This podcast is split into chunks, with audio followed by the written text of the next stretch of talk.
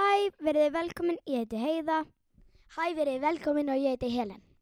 Við erum að fara að tala um réttindi barna og Um munin og réttindum og forréttindum. Nei, forréttindum. Helen, hvað eru eiginlega forréttindi? Það er það sem börnum langar en þau vanta það ekki. Rétt svar. Hvað er réttindi? Það er til dæmis bara það sem börn eiga rétt á. Tölum að þeim sem réttindi. Já, við skulum auðvitað gera það. Okay. Hvað er réttindi? Það er bara til dæmis það sem börn þurfa í lífinu og já. Til dæmis þau eiga réttindi að eiga heimili og eiga réttindi að segja skoðun sína og réttindi bara að gera allt og hvað finnst þér vera réttindi? Að börnin fá það sem þau vanta. Sko. Já, það, það er bara auðvitað. Til dæmis forréttindi eru til dæmis þegar maður fer út að borða eða nýtt dót að eiga að til dæmis sólgleru búa í höll og eiga iPad. Forréttindi er að eiga síma, leiktölvu. Ég myndi líka segja að réttindi sé segja skoðun sína eins og ég segi áfram, fara í skóla að leika við vini en ekki alveg alltaf samt að því stundum er ekki tími eða má það eða eitthvað og að stunda sá tónstund sem þau vilja. Ég myndi segja að réttindi er að fá vend, hafa öryggi. Það er eiginlega bara mjög góð útskýring og samt þurfa líka börn alltaf þegar þau hafa slasast að fara á sjúkrahús. Já, það er alveg rétt. En. Og ég myndi segja að forréttindi sé að stríða öðrum af því það er algjör óþarfi og það sem er réttindi er að börn fá hjólastól fá að ná að kvíld, öryggi og fjölskyldu og æfa það sem þau vilja.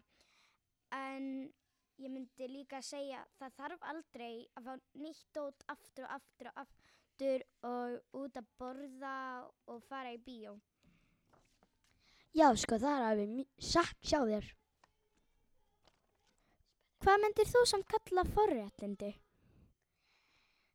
Um, þá, ég myndi kalla forréttindi að eigða pening. Það er algjörlega, sko. En er ekki líka algjör forréttindi að búa í höll? Ég meina, ég myndi segja að það væri bara svona bíómynda eða eitthvað. Já. Og við getum núna til dæmis byrja að tala um vend að því börn og allir, ekkert bara börn þurfa vend. Já, það er alveg rétt. Allir þurfa vend. Já, til dæmis krakkar, þeim finnst mjög gott að fá vend frá foreldrum og fjölskyldu. Já. Það er alveg hræðilegt.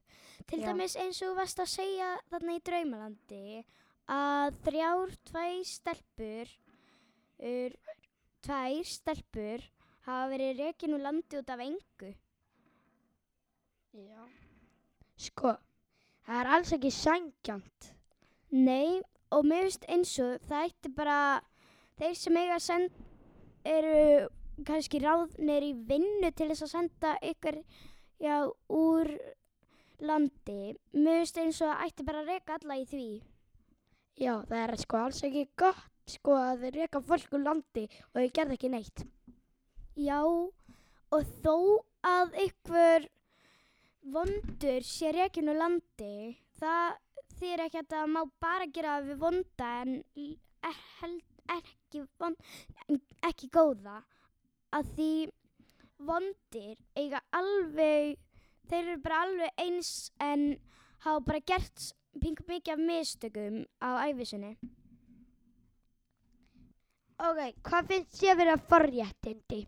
Forréttindi, finnst það til dæmis eiga síma, eiga iPad, spila leiki, fara í bíó og eiga, fara á gat í eirun og bara stríða, það er mjög vond. Og bara fara út að borða, fá alltaf nýtt dót og já, Já, sko, stríðinu er ekki gott. já. Það er gott fyrir engan. hann sem er að stríða, það er heldur ekkert gott fyrir hann, hann þó hann, þeir sem stríða, þeir, lí- þeim líður alltaf bara eitthvað illa og halda að þeim líður betur að láta aðra líða illa. Já. Heiða ætlar að segja henni sögu um bjóna til. Já, við bönnum til. Það er, einu sinni var skrimsli sem dró hendurnar eftir sér og var í prinsessukjól og með stærstu sk- kórónu í heimi og hún var lítill ostabiti og dansaði ballett. Endir. Bye. Bye, sjáumst. Bráðum. Sjáumst setna.